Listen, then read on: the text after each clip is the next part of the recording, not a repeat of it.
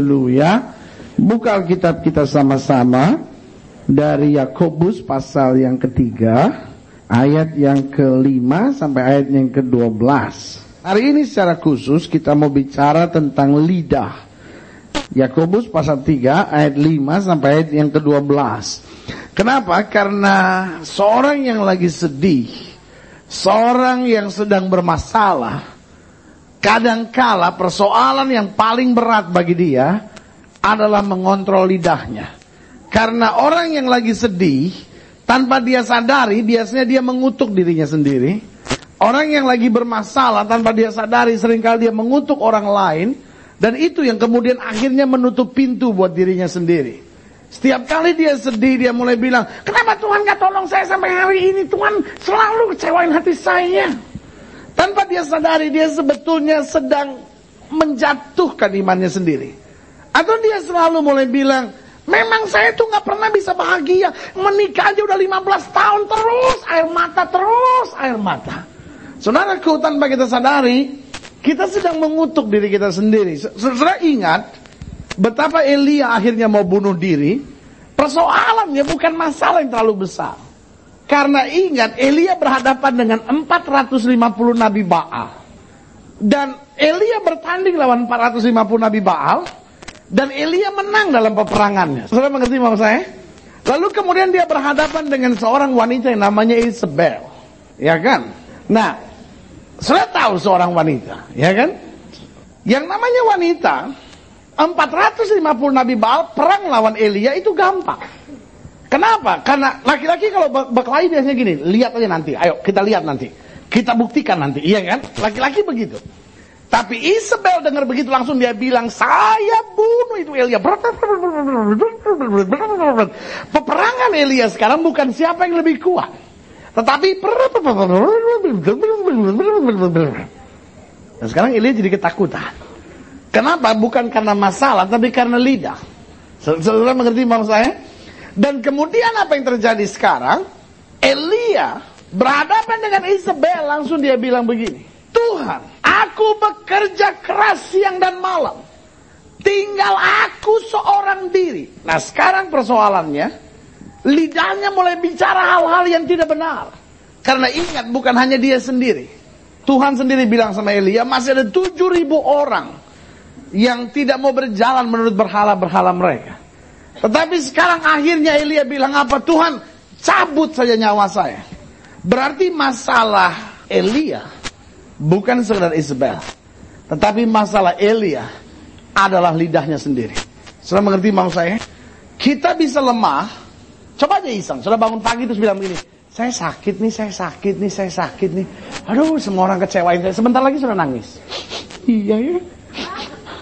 Semua orang kecewain saya. Mertua ngecewain. Tetangga ngecewain. Saya mengerti maksud saya? Kalau kita terus bicara hal-hal yang negatif, kita jadi lemah sendiri. Saya mengerti maksud saya? Tapi kalau kita percaya di tengah badai bagaimanapun lihat, banyak sudah dikuatkan di dalam firman Tuhan, di dalam kebaktian, kadangkala belum didoain sama pendeta. Tapi sudah keluar kebaktian sudah bilang, saya percaya Tuhan pasti tolong. Saya percaya Tuhan pasti tolong.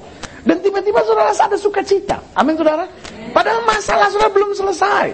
Bahkan mungkin pendeta nggak tumpang tangan buat saudara. Tetapi karena iman, karena perkataan, karena keyakinan kita, kita beroleh kekuatan karena dia Allah yang memberi kemenangan. Saya mengerti banyak orang hari-hari ini sedang menghadapi masalah.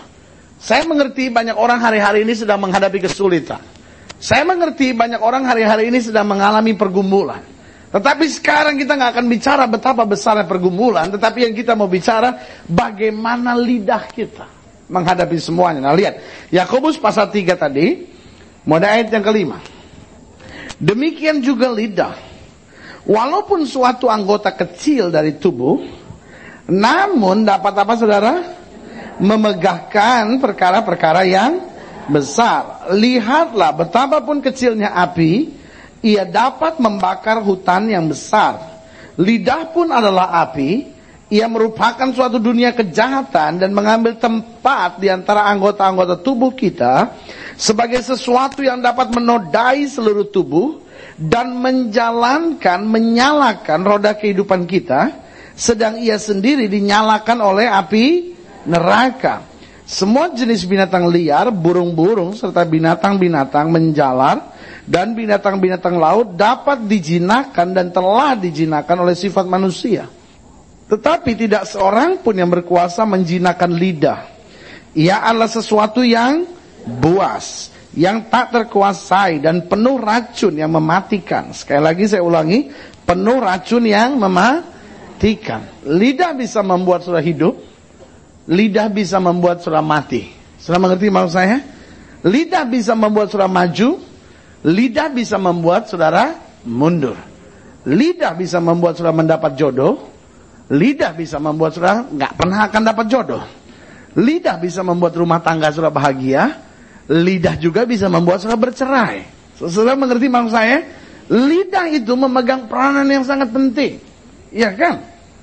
Coba saudara ketemu seorang, dan menurut saudara pria yang gagah, cinta Tuhan, ketemu di gereja, tapi waktu dia nanya, e, maaf ya, namanya siapa? Apa sih pakai nanya-nanya nama segala? Mau pacaran ya? Mau pacaran ya? Laki-laki bilang amin. Amin. Iya kan? Lidah bisa membuat surah dapat cepat jodoh. Tapi lidah juga bisa membuat surah jadi perawan tua seumur hidup saudara. Ya kan? Tapi lidah juga bisa membuat rumah tangga surah bahagia. Ya kan? Suami pulang marah, marah, marah, marah, marah, marah, marah, marah. Dan surah bilang, papa. Ketika kau marah seperti itu nampak kewibawaan. Suami langsung bilang, orang lagi marah. Uh, gemes deh lihat papi. Persoalan rumah tangga bisa selesai. Tapi kalau suami marah-marah, kita bilang lagi sama dia, kurang apa lagi saya, ha? Kurang apa lagi? Kamu pulang-pulang marah, kamu punya cewek kan di luar ya? Saudaraku, itu kata-kata bisa bikin masalah. Saudara-saudara mengerti mau saya? Itu sebabnya dibilang, dan penuh racun yang mematikan. Ayat 9. Dengan lidah kita memuji Tuhan Bapa kita, dan dengan lidah kita mengutuk manusia yang diciptakan menurut rupa Allah. Dari mulut yang satu keluar berkat dan kutuk. Hal ini saudara-saudaraku tidak boleh demikian terjadi. Jadi orang yang memuji Tuhan dia tidak boleh mengeluarkan kutuk lagi. Karena dari sumber yang sama nggak bisa keluar dua macam air. Ayat 11. Adakah sumber memancarkan air tawar dan air pahit dari mata air yang sama? Saudara-saudaraku, adakah pohon ara dapat menghasilkan buah zaitun? Dan adakah pokok anggur dapat menghasilkan buah ara?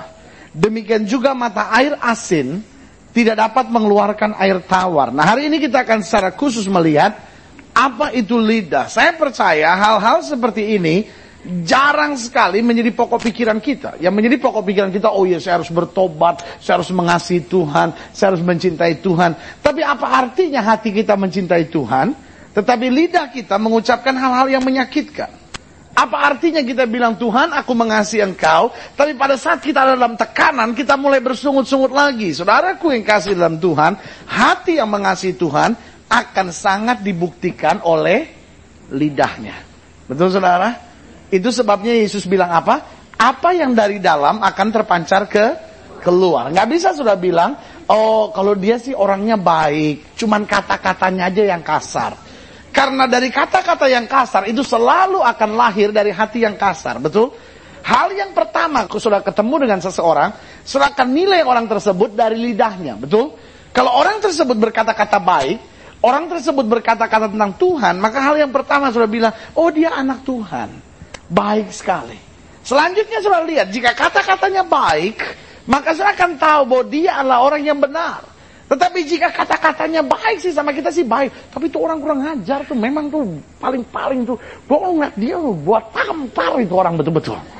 Kita akan bilang, ini orang antik juga ya. Di gereja mah haleluya, haleluya. Pulang gereja gua tampar tuh orang benar tuh. Kalau gua tahu dia yang ngomong itu, gua robek mulut dia. Saudara gue yang kasih dalam Tuhan, tidak bisa. Lidah kita yang menentukan siapa kekristenan kita. Selalu saya bilang, hati kita dilihat oleh Tuhan. Saudara mengerti maksud saya? Hati kita dilihat oleh Tuhan. Gak bisa saudara bilang, uh, ya kamu jangan lihat penampilan saya dong, lihat hati saya. Bagaimana lihatnya? Lo iya kan? Saudara bilang, saya bilang sama saudara-saudara, ya saudara jangan lihat saya lah, saya memang uh, begini orangnya. Tapi lihatlah hati saya. Di mana lihatnya? Nggak, nggak, nggak bisa kelihatan. Saya mengerti maksud saya? Saya nggak bisa lihat hati ibu-ibu. Tetapi Tuhan yang bisa lihat hati kita. Saya mengerti maksud saya? Tuhan lihat hati kita. Tapi orang lain lihat kata-kata kita. Orang lain menilai kita melalui kata-kata kita. Orang lain melihat siapa kita. Orang lain mengenal siapa kita. Orang lain dapat menerima atau menolak kesaksian kita. Sebagian besar dari kata-kata kita. Kenapa sudah bertobat? Sebagian besar kita bertobat. Karena kata-kata. Betul saudara? Kenapa kita dikuatkan? Sebagian besar kita dikuatkan karena kata-kata, iya kan? Orang datang dan bersaksi sama kita tentang Tuhan, lalu kita dengar-dengar kita bilang, oh haleluya, puji Tuhan, iya ya haleluya ya. Kita masuk gereja kita dengar firman Tuhan, kata-kata bisa menyelamatkan kita. Itu sebabnya perwira di Kapernaum bilang sama Yesus apa saudaraku? Cukup katakan sepatah kata, sepatah kata. Ada banyak orang yang bilang, aduh Pak Pendeta, mulut saya sampai bebusa ngomong sama anak saya. Tapi anak saya nggak mau bertobat. Ya mungkin karena sampai bebusa itu, saudara-saudara. saya suka dengar aja. Ini ini di tempat-tempat lain begitu ya. saya suka dengar ibu-ibu ngomong. Saya sampai mulut saya bebusa, Pak Pendeta. Suami saya nggak mau ke gereja. Mungkin karena bebusa. Makanya dia nggak mau bertobat. Karena perwira di Kapernaum bilang apa? Cukup katakan sepatah kata, ya kan? Lebih baik sepatah kata yang beriman, lebih baik sepatah kata yang keluar dari hati yang mengasihi, lebih baik sepatah kata firman yang berkuasa daripada mulut sampai bebusa. Itu sebabnya Bob Totopoli bilang, memang lidah tak bertulang. Ya kan? Sebab kalau lidah bertulang ngomongnya susah. Saya bersyukur lidah tak bertulang. Sebab kalau lidah bertulang gigi kita copot semua saudara-saudara. Ya kan? Jadi kita lihat beberapa perkara tentang lidah. Yang pertama, saya jumpai perkara besar dapat terjadi oleh lidah. Saya ulangi sekali lagi. Perkara besar dapat terjadi oleh lidah. Sudah lihat orang-orang yang sukses. Sudah lihat orang-orang yang maju. Sudah lihat orang-orang yang berhasil. Rata-rata kata-katanya adalah kata-kata iman. Sudah mengerti maksud saya? Gak pernah saudara jumpai seorang yang sukses lalu dia orangnya pesimis. Gak pernah saudara jumpai seorang yang sukses, seorang yang diberkati, yang dipakai Tuhan hebat, yang dipakai Tuhan luar biasa dengan karunia-karunia hebat. Tidak pernah punya kata-kata pesimis. Makanya orang sukses biasanya sering disebut sebagai orang sombong. Orang bilang, ngomongnya belagu dia, ngomongnya belagu dia. Kayak dia aja yang paling benar. Kenapa? Karena dia punya keyakinan. Saudara mengerti mau saya? Ada banyak orang yang bilang, saya percaya bahwa Allah memakai saya dengan cara yang ajaib. Lalu kita bilang, hm, sombong amat tuh orang. Kita lebih terbiasa dengan orang yang bilang, ya saudara-saudara saya orang biasa. Penuh dengan dosa dan kelemahan. Ya, Tuhan juga sebetulnya udah males pakai saya. Percaya saya orang-orang seperti itu nggak mungkin bisa dipakai Tuhan sungguh-sungguh. Betul saudara? Tetapi orang berhasil harus mulai dengan kata-kata yang kuat. Itu sebabnya orang-orang yang disembuhkan lihat. Gak ada orang yang disembuhkan berdoa Tuhan mau sembuhin syukur, gak mau sembuhin ya terserahlah. Orang-orang yang mendapat mujizat sama seperti wanita pendarahan 12 tahun. Kapan dia mulai dapat mujizat? Waktu dia mulai speak out faith. Dia mulai bilang asalku jama jubahnya aku sembuh. Amin saudara. Asalku jama jubahnya sembuh. Iman mulai dari perkataan dan perkataan harus lahir dari iman. Ini dua hal yang tidak bisa terpisahkan. Iman harus dimulai didasari dengan perkataan dan perkataan harus didasari dan dimulai dari iman. Itu sebabnya dia bilang asalku jamah jubahnya aku sembuh. Dan Alkitab berkata, sembuhlah dia. Mungkin sudah berkata, ya itu kan cuma satu kasus. No, Bartimius berkata, Yesus anak Daud kasihanilah aku. Yesus anak Daud kasihinlah aku. Yesus bertanya sama dia, Bartimeus, kau mau apa supaya aku berbuat bagimu? Bartimeus nggak bilang kan gini guru, saya sih sebetulnya lahirnya buta. Ya tolong deh Tuhan apa aja boleh deh. Ngelihat satu aja udah sedang deh daripada nggak sama sekali. Dia lahir buta. Tetapi Yesus tanya kau mau apa? Dia bilang supaya aku dapat melihat. Orang sekitarnya mungkin bilang, wah kemauannya terlalu besar nih orang. tetapi dia yakin. Saudara ingat cerita tentang orang kusta yang datang kepada Yesus? Dia bilang, Tuhan, jika Tuhan mau, Tuhan dapat mentahirkan aku. Amin saudara? Dia nggak bilang, guru, saya ini kusta loh. Kusta, loh ampun, penyakitnya parah bener. Ya doakanlah aku, minimal aku mati masuk surga. No. Dia bilang apa? Tuhan, kalau Tuhan mau, Tuhan dapat mentahirkan aku. Dengan lain kata dia bilang, guru aku tidak ada bimbang sedikit pun. Aku tahu mujizat tetap bisa terjadi di dalam hidupku. Jangan harapkan mujizat. Kalau kita masih tetap ucapkan hal-hal yang lemah. Jangan harapkan mujizat. Jika kita masih ragu dengan kata-kata kita. Karena Alkitab bilang, orang bimbang jangan harap dapat apa-apa. Berarti ingat, perkara besar dapat terjadi oleh lidah. Amin saudara. Lidah bisa membangun iman saudara. Lidah bisa meruntuhkan iman saudara. Lidah bisa membuat saudara yakin akan kebenaran. Tapi lidah juga bisa membuat engkau ragu. Itu sebabnya selalu saya bilang. Hati-hati dengan apa yang kau dengar. Hati-hati dengan siapa kita bergaul. Karena pergaulan itu berarti membiarkan lidah berbicara. Kalau saya bergaul dengan orang-orang yang lemah, sebentar-bentar dia akan bilang, lu sakit begitu ya, ya ampun. Gue punya tetangga, gue sih gak nakut-nakutin. Tapi gue punya tetangga punya sakit yang sama, tiga hari kemudian meninggal lu, hati-hati lu. Nah kita punya 15, punya teman kayak begini semua yang sebentar-bentar bilang, lu laki kayak begitu, ih pasti udah punya perempuan lain. Gue sih gak nakut-nakutin, cuman gue kasih tahu aja kan, gue temen sama lu. Gue sih gak, bener gue gak nakut-nakutin. Gue cuman kasih tahu, laki-laki kalau begitu biasanya udah punya bini lagi. Kita punya teman 15 kayak begini bisa mati gantung diri kita saudara-saudara. Ya kan? Itu sebabnya pentingnya kita hadir dalam ibadah karena Alkitab bilang iman timbul dari pendengaran dan pendengaran akan firman Kristus.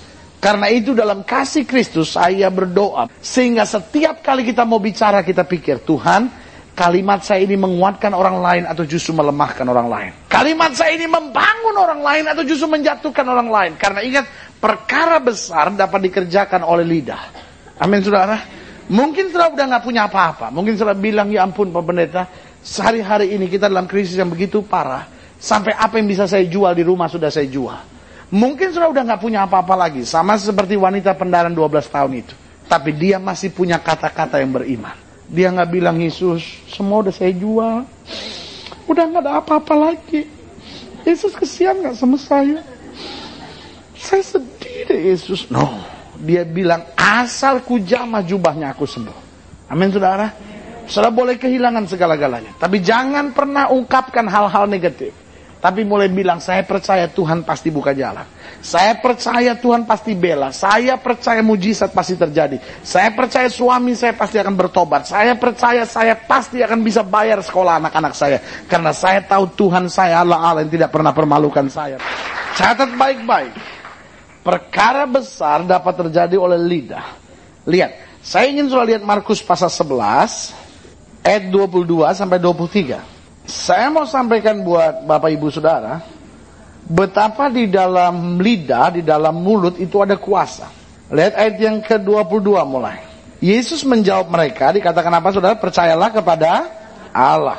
Nah, tapi Yesus mau sampaikan bahwa orang yang percaya kepada Allah juga akan sangat mempengaruhi lidahnya. Lihat, aku berkata kepadamu sesungguhnya barang siapa berkata kepada gunung ini beranjaklah dan tercampaklah ke dalam laut, asal tidak bimbang hatinya tetapi percaya bahwa apa yang dikatakan itu akan terjadi, maka hal itu akan terjadi baginya. Jadi mulai percaya kepada Allah, mulai dengan berserah kepada Allah. Jadi kalau sudah mau tanya sama saya bagaimana mujizat bisa terjadi, yang pertama hati kita harus berserah sama Tuhan. Lalu yang kedua, kata-kata kita kita ucapkan. Dan yang ketiga, hati kita tidak bimbang. Amin saudara. Jadi tiga hal ini adalah rangkaian mujizat. Yang pertama hidup kita berserah sama Tuhan. Karena Yesus bilang, percayalah kepada Allah. Lalu yang kedua, kita bilang, kata-kata kita ucapkan hal yang positif. Kata-kata kita ucapkan firman Allah. Kata-kata kita ucapkan kata-kata kemenangan. Lalu yang ketiga, Alkitab bilang, jika hati kita tidak bimbang, maka apa yang kamu sampaikan, amin saudara, akan terjadi bagimu. Nah mungkin saudara bertanya, mengapa di dalam mulut saya ada kuasa? Coba saudara lihat Roma. Saya sengaja menyampaikan akan banyak ayat buat ibu-ibu sekalian dan bapak-bapak saudara-saudara sekalian sehingga saudara mengerti betapa di tengah masalah masalah hidup ini lidah akan bisa membuat saudara keluar dari masalah atau justru membawa saudara masalah yang lebih dalam lagi. Ayat yang ke-8 dari Roma pasal 10. Ayat yang ke-8. Tetapi apakah katanya? Ini, firman itu dekat kepadamu. Yakni di dalam apa saudara? mulutmu dan di dalam hatimu. Itulah firman iman yang kami beritakan. Dengar. Kalau saudara mau tanya sama saya, bagaimana firman Tuhan bergerak dalam hidup kita? Alkitab bilang iman timbul dari pendengaran. Jadi iman mulai dari pendengaran. Kita mendengar, kita mengerti. Nah, proses kita mendengar dan mengerti itu turun di hati. Ya kan? Sehingga firman itu tersimpan dalam hati dan firman yang tersimpan dalam hati, kata Yesus, akan mengalir keluar melalui mulut. Amin, saudara. Berarti seperti saya bilang tadi, hidup berserah sama Tuhan. Kita dengar firman Tuhan, hidup berserah sama Tuhan. Hati kita percaya, mulut kita keluar kata-kata iman. Hati kita tidak bimbang, dan mujizat akan terjadi. Karena Tuhan menaruh firman, Tuhan menaruh kuasa dalam mulut kita, sehingga apa pun yang kita ucapkan dengan tidak bimbang, itu akan terjadi. Nah, sekarang kalau sudah lihat Mazmur pasal 45, so lihat bahwa lidah itu sama seperti pena. Ayat yang kedua, Bani Korah dalam menyanyikan pujiannya bagi Tuhan di Mazmur pasal 45 ini, hatiku meluap dengan kata-kata indah. Amin saudara. Seorang yang suka cita, seorang yang hidup dalam kemenangan, seorang yang percaya kuasa Allah, dari hatinya akan meluap kata-kata indah. Aku hendak menyampaikan sajaku kepada raja Dikatakan apa saudara? Lidahku ialah pena seorang juru tulis yang mahir. Lidah itu seperti pena. Dia bisa menulis sesuatu yang baik. Atau dia bisa menulis sesuatu yang jahat. Dia bisa menulis sesuatu yang dapat mendatangkan keuntungan bagi saya. Atau dia dapat menulis sesuatu yang dapat membawa kerugian buat saya. Berarti pena kita juru tulis. Dan hidup yang kita jalani ini adalah hasil tulisan yang kita buat. Saya ulangi sekali lagi. Jika saudara berkata, aduh Pak Pendeta, Tuhan itu baik sekali sama saya. Saya diberkati luar biasa. Maka jawaban saya, engkau membuat tulisan yang baik dengan lidahmu. Amin saudara. Pernikahan yang berhasil, itu selalu datang dari lidah yang baik. Anak-anak yang cakap dan anak-anak yang takut akan Tuhan, selalu lahir dari lidah yang baik. Dan sebaliknya saya katakan sekali lagi dengan iman. Bahwa anak-anak yang kacau, rumah tangga yang berantakan. Itu kadang-kala bukan karena tidak cocok, bukan karena setan mengganggu. Saya mengerti setan bisa ada. Tetapi sebagian besar lahir karena kata-kata yang menyakitkan dan hancur. Kalau sudah selidiki, karena saya pernah menyelidiki anak-anak remaja usia sekolah yang waktu saya sama istri tulis uh, skripsi pelacuran di balik seragam sekolah. Dan kita jumpai sendiri.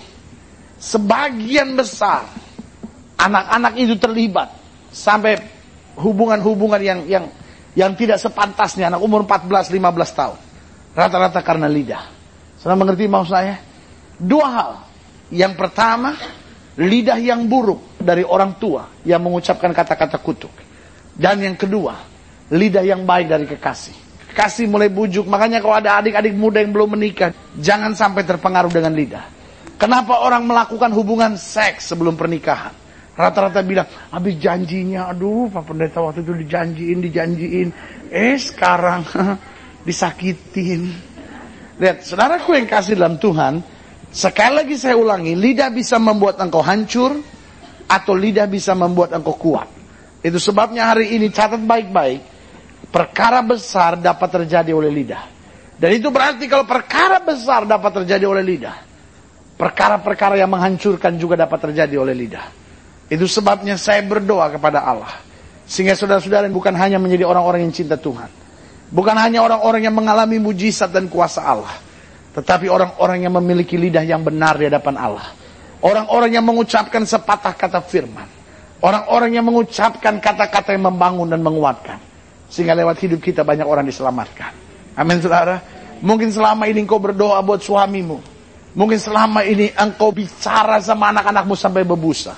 Tapi mulai hari ini, mulai berkata Tuhan, aku mau jaga lidahku. Dan saya percaya jika engkau menjaga lidahmu dengan benar, engkau keluarkan kata tepat pada waktunya, engkau ucapkan kata-kata yang tepat sesuai dengan apa hikmat Tuhan, saya berani jamin bahwa dalam waktu 3-4 bulan belakangan ini akan terjadi perkara-perkara yang sangat besar dalam hidup saudara, keluarga, saudara, rumah tangga, saudara. Karena ingat, Yesus mengusir setan pun dengan lidah. Amin saudara. Yesus mengusir setan, dia tidak tendang setan itu. Ya kan, saya ingat ada orang berdoa, dia bilang, dalam nama Yesus, saya tendang engkau, setan keluar. Kenapa? Sudah pikir kalau setan ditendang, setannya akan lari, emangnya bola? Ya kan? Ucapkan kata-kata iman. Yesus ucapkan sepatah kata firman. Dan bilang ada tertulis. Ada tertulis. Manusia bukan hidup dari roti saja. Tapi dari firman. Yang keluar dari mulutnya Allah. Amin saudara. Setan frustasi. Jika kata-kata sudah kata-kata iman. Tapi setan senang jika kata-katamu kata-kata kutuk. Setan senang jika kata-katamu kata-kata lemah. Setan senang jika kata-katamu kata-kata yang menyakitkan. Setan senang jika kata-katamu ala kata-kata yang meruntuhkan. Tetapi waktu kita ucapkan kata-kata iman, mujizat dan kuasanya akan kita alami. Haleluya. Hal yang kedua, lidah kita, tadi udah udah udah saya jelaskan, lidah perkara besar dapat terjadi oleh lidah. Nah, yang kedua, lidah kita sangat tergantung dengan kendalinya. Lidah sangat ditentukan oleh kendali. Tidak ada satu orang pun berkata bahwa lidah saya tidak bisa dipakai Tuhan sebab saya memang orangnya udah begini. Saya dari dulu memang orangnya model begini. Nope. Lidah bisa dikendalikan. Amin saudara. Sama kata kita seperti api. Api. Dia bisa menjadi sesuatu yang membakar hutan. Yang membuat Indonesia bertahun-tahun terus ribut masalah itu. Hutan terbakar. Kenapa? Intinya api yang tak terkendalikan. Betul? Apakah kita harus berdoa, ya Allahku mulai hari ini seluruh api yang ada di muka bumi angkat di dalam nama Yesus. Kalau semua api yang ada di muka bumi diangkat, kita tidak bisa makan nasi, semua kita makan gabah. Orang Batak bilang horas bah, habis beras makan gabah, ya kan?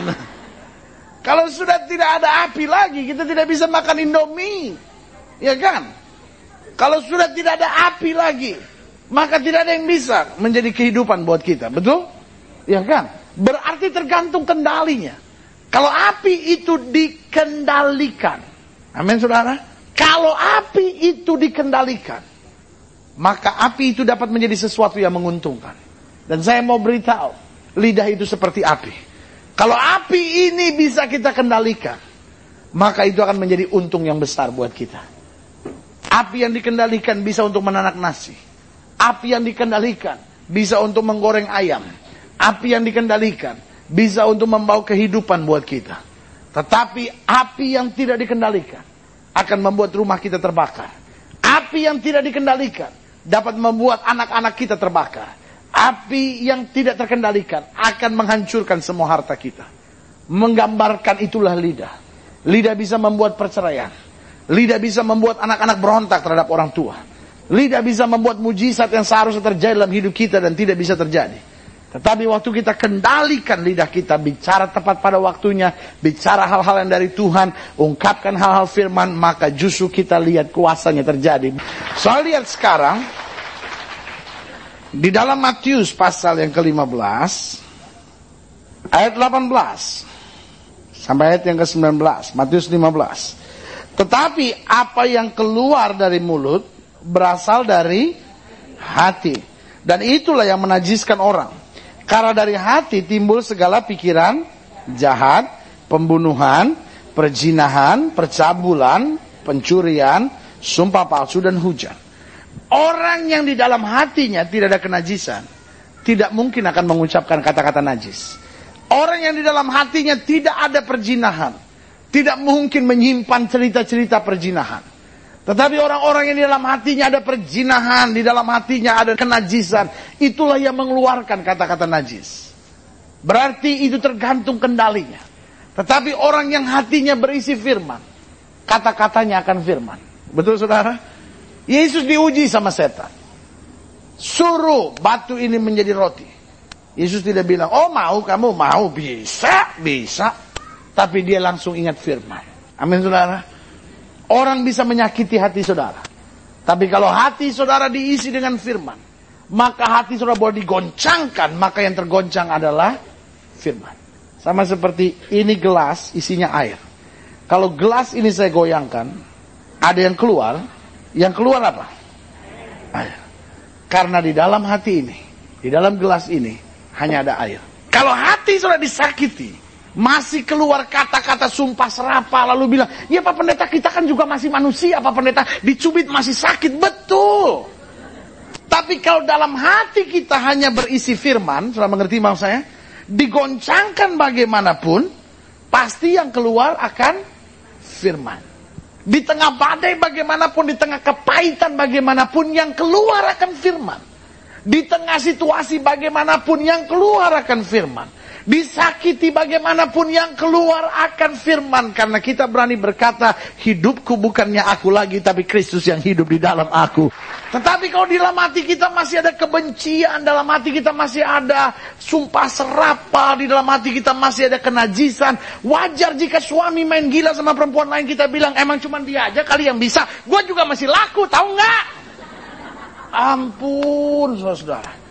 Jangan bilang sama saya, Pak Pendeta wanita juga kan bisa sakit hati, Pak Pendeta kalau digituin terus, digituin terus. Emangnya pikir kita dari baja apa, dari besi beton apa? Hati kita kan juga masih lembut. Saya mengerti kalau sudah bilang sakit. Saya mengerti kalau sudah bilang terluka.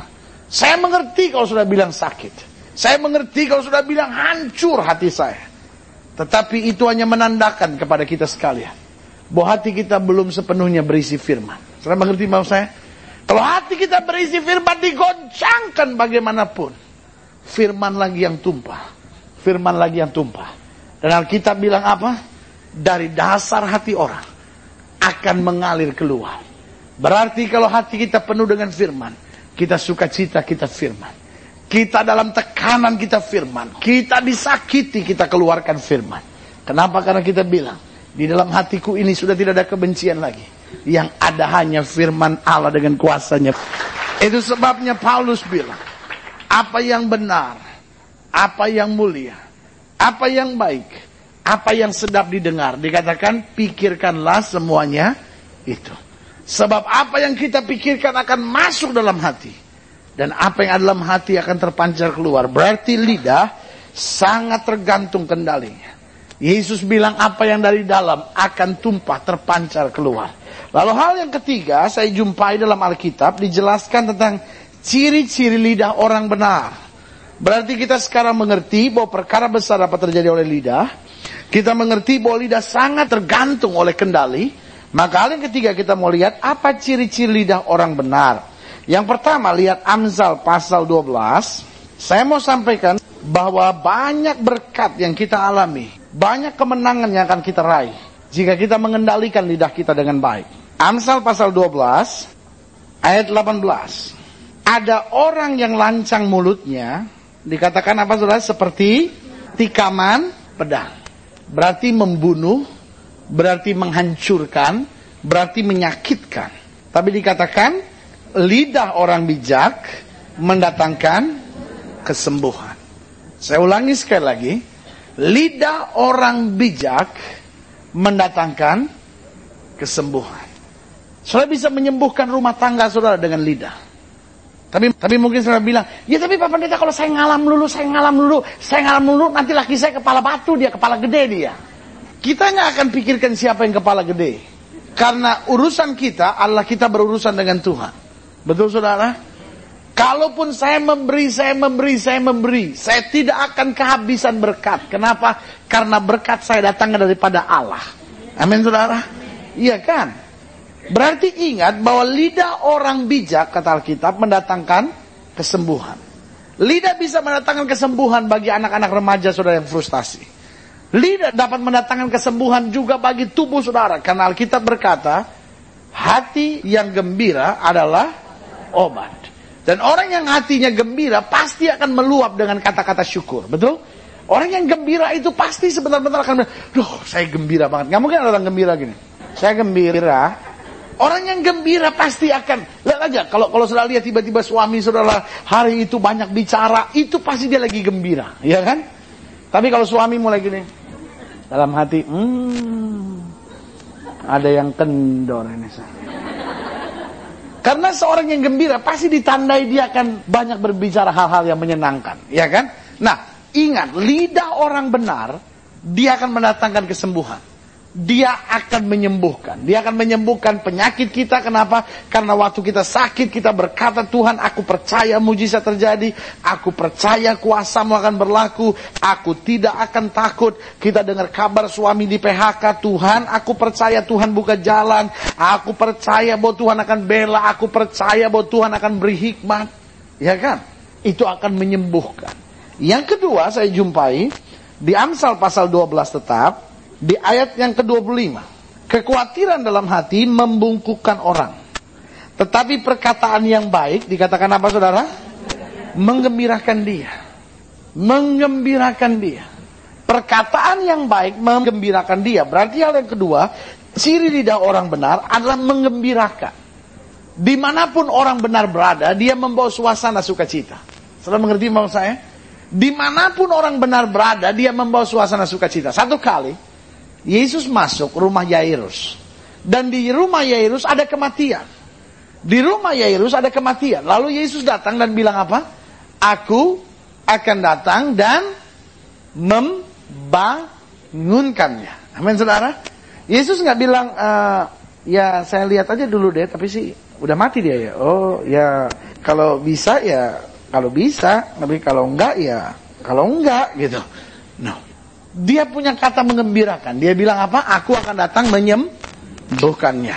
Aku akan datang membangunkannya. Setelah ingat cerita di pintu kota Nain, Yesus mendatangi ibu itu dan bilang apa? Ibu jangan menangis. Dia nggak bilang, ibu anaknya mati ya. Ya ampun kasihan bener. Kenapa matinya? Ya ampun masih muda ya. Ya ampun bu. Jadi ibu udah janda lagi. Aduh. Bagaimana nanti makannya bu? Nggak ada yang tolong. Aduh, kasihan. Ada banyak orang seneng kalau orang kelihatannya turut empati gitu sama dia. Iya kan? Aduh, suami suka pukulin ya. Ya ampun, tega banget. Suka sampai berdarah-darah. Aduh, ya, ya ampun. Oh begitu ya. Aduh, aduh kasihan. Kasihan tidak akan menolong orang lain. Saya kadang lagi tidur dibangunin, dipukulin. Oh iya. Yesus justru bilang sesuatu yang sebetulnya menimbulkan tanda tanya. Yesus bilang, ibu jangan menangis. Tapi kalimat itulah kalimat yang mengembirakan. Kenapa? Karena Yesus selalu punya jalan buat orang-orang yang percaya. Apa itu bersaksi? Bersaksi bukan mengancam orang. Jangan sudah ketemu orang lalu bilang, lu hidup begitu terus nanti dipukul Tuhan lu. Lu masih nggak kapok juga nanti dihajar sama Tuhan baru rasa. Itu namanya bukan bersaksi tapi nakutin saudara-saudara. Bersaksi itu disebut dalam bahasa Inggris evangelization. Itu berasal dari bahasa Yunani euangelion. Artinya good news. Artinya kabar baik. Orang yang menginjil, orang yang beri kabar baik. Saya mengerti maksud saya? Kalau kita ikut Tuhan, kita akan lihat pertolongan Tuhan. Itu membawa kabar yang mengembirakan. Jangan bilang sama suami saudara, nanti kau Tuhan udah kutuk baru kapok kamu lihat. Jangan bilang sama anak-anak, nanti kau udah naik motor patah kaki, baru kamu bertobat. Lihat aja, sebagian besar kalau sudah ngomong begitu pasti terjadi. Jangan sudah bilang, tuh kan mama juga udah bilang apa kan, kalau mama ngomong pasti terjadi. No, bukan hanya mama ngomong, kalau pembantu tiap hari ngomong juga terjadi, saudara-saudara. Jangan bangga karena bilang, oh itu karena mama ngomong. No, kita sedang mengutuk dia. Saudara mengerti maksud saya? Karena kita sebetulnya sedang mengutuk dia dan kita sedang membilang sama setan, setan tolong bikin kecelakaan buat anak saya. Saudaraku yang kasih dalam Tuhan, mungkin mungkin kalimat saya akan akan sangat terbuka karena itu menggambarkan bagaimana kata-kata kita sangat berkuasa. Jangan sudah bilang, nanti kamu ditipu orang baru kamu mau bertobat. Lalu benar dia ditipu tuh. Kan saya juga bilang apa kan? Saya juga bilang apa kan? Bukan karena kata-kata sudah begitu hebat. Tapi sebetulnya sudah sedang buka pintu sama setan. Dan sedang bilang, hei setan, tolong kutuk suami saya supaya dia ditipu. Lihat saudaraku yang kasih dalam Tuhan, makanya saya bilang, lidah dapat mengerjakan perkara besar, tapi lidah juga bisa menghancurkan. Itu sebabnya seorang yang bersaksi adalah seorang yang menyampaikan kata-kata semangat, sukacita, dan damai sejahtera oleh kuasa roh kudusnya. Nah, dan hal yang kedua, ciri tidak orang benar, yang pertama menyembuhkan, yang kedua menggembirakan, yang ketiga lihat Amsal 15, ayat yang pertama. Jawaban yang lemah lembut, meredakan kegeraman. Tetapi perkataan yang pedas, apa saudara? Membangkitkan amarah.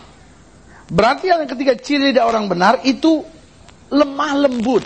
Jangan sudah bilang sama saya, aduh Pak Pendeta, aku datang dari Sumatera ini, bagaimana aku bisa lemah lembut? Ini persoalan banyak orang.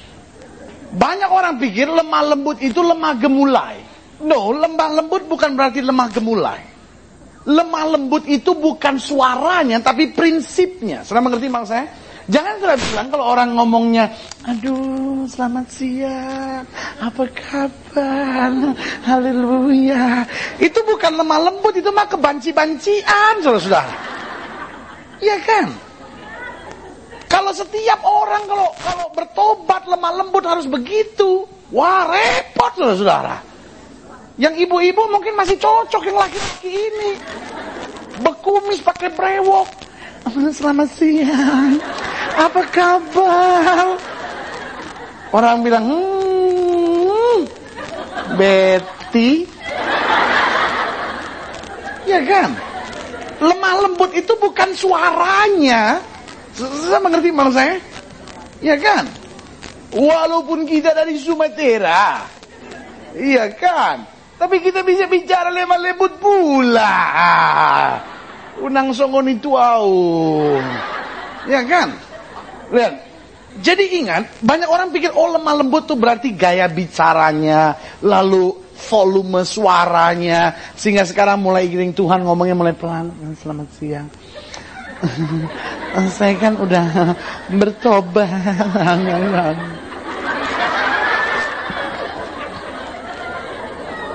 Lu saya memang modelnya udah begini, nggak nggak bisa saya tuh ngomong. Uh, selamat siang ibu-ibu, hari ini saya uh, mau menyampaikan firman Tuhan tentang bagaimana Allah yang mengasihi kita anak-anaknya. saya model saya memang udah begini, korbannya begitu, saudara-saudara. Nggak nggak nggak nggak bisa lemah lemah gemulai begitu, saudara-saudara. Ya kan?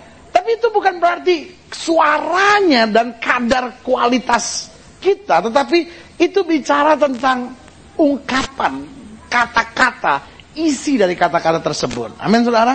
Apa artinya kita ngomong, ya puji Tuhan, tapi tuh orang tadi kutuk mati, lihat aja. itu kasar banget itu saudara-saudara. Iya kan? Jadi lemah lembut dalam arti kata prinsipnya. Amin saudara. Prinsipnya bahwa kata-kata yang keluar adalah kata-kata yang penuh dengan berkat Allah. Kata-kata yang keluar adalah kata-kata yang menghibur, yang menguatkan, yang membangun. Ini yang saya beri nama kata-kata lemah lembut. Ada banyak orang ngomongnya lemah lembut, ya kan? Kakinya keinjak. Permisi. Kalau udah nggak dipakai lagi, saya mau pinjem kakinya. Itu mah bukan lemah lembut, sedikit bodoh itu saudara-saudara. Ya kan? Kita tarik jempol udah hilang itu saudara kalau begitu. No, lemah lembut sekali lagi bukan suaranya, bukan bukan caranya kita menyampaikan, tapi lemah lembut itu bicara tentang isinya. Amin saudara. Waktu Yesus bilang sama Petrus, "Enyahlah engkau iblis, sebab engkau hanya batu sandungan bagiku." Itu bagian dari firman Allah bahwa jawaban yang lemah lembut itu menyelesaikan masalah. Mungkin sudah bilang, masa jawaban lemah lembut begitu? Iya. Karena apa? Karena dia sampaikan dari hati yang mengasihi dan yang membangun dan yang membentuk karakter Petrus sehingga Petrus tidak terikat pada kuasa kegelapan. Seandainya Yesus bilang Petrus, kamu boleh kok terus dikuasai setan terus aja gitu. Saudaraku, maka Petrus akan jatuh. Berarti hari ini kita ingat sekali lagi, lidah orang benar itu menyampaikan perkataan yang lemah lembut.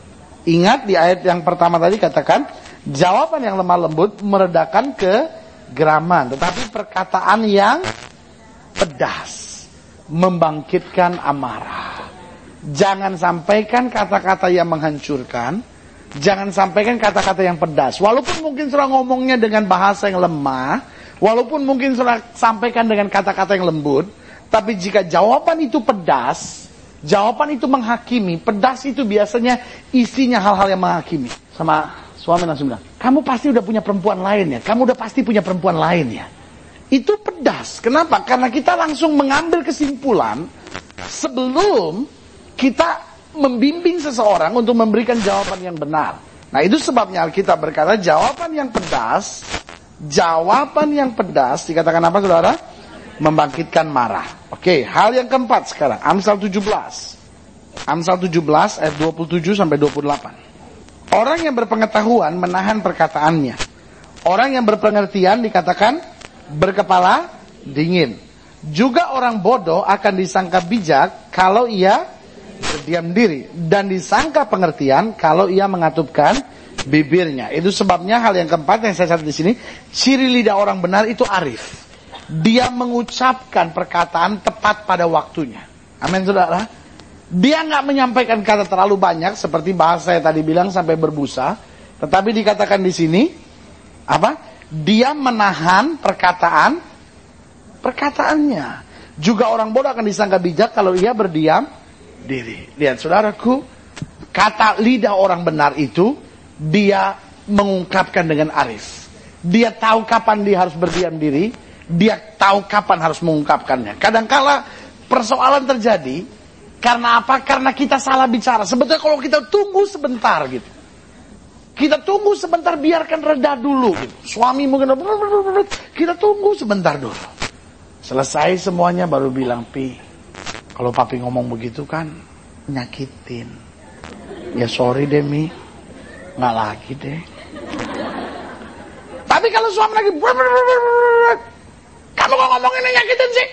Memang kamu dasar nggak bisa dikasih tahu. Wah, langsung itu saudara-saudara. Itu sebabnya selalu saya bilang jangan bicara apa yang kita pikirkan, tetapi pikirkanlah sebelum kita berbicara. Kadang-kala kan kita apa yang kita pikirin kita mau keluarin gitu, ya kan? Kita lagi curiga sama dia, kita lu jangan-jangan dia begitu kali ya. Di dalam gereja juga gitu, perpecahan terjadi karena begitu. Kita keluarkan apa yang kita pikirkan. Eh udah tahu belum? Masa ibu itu tuh genit sekali orangnya. Bayangin aja, bayangin. Setiap kali kebaktian ibu-ibu kan saya suka lihat. Lakinya selalu ganti, lakinya selalu ganti. Setiap kali dia kebaktian tuh lakinya selalu ganti. Selidik punya selidik, nyatanya dia naik ojek. Iya kan? Masa kalau ojek kan dia kan nggak bisa pastiin siapa yang bawa dia ya kan? Hari ini rambutnya gondrong, besok rambutnya botak, ya kan? Tapi udah keburu jadi isu. Itu perempuan itu tuh, genit banget di gereja sih kelihatannya, haleluya, haleluya. Sampai nangis-nangis kalau berdoa. Tapi eh, tahu bener kalau datang lakinya ganti melulu, ganti melulu. Mana ada yang gondrong lagi lakinya. Eh katanya naik ojek. Duh. Makanya bu, bu, bu, jangan buru-buru bikin gosip. Ya kan? Jadi selalu saya bilang, jangan ngomong apa yang kita pi pikirkan. Tetapi pikirkanlah sebelum kita ngomong sesuatu.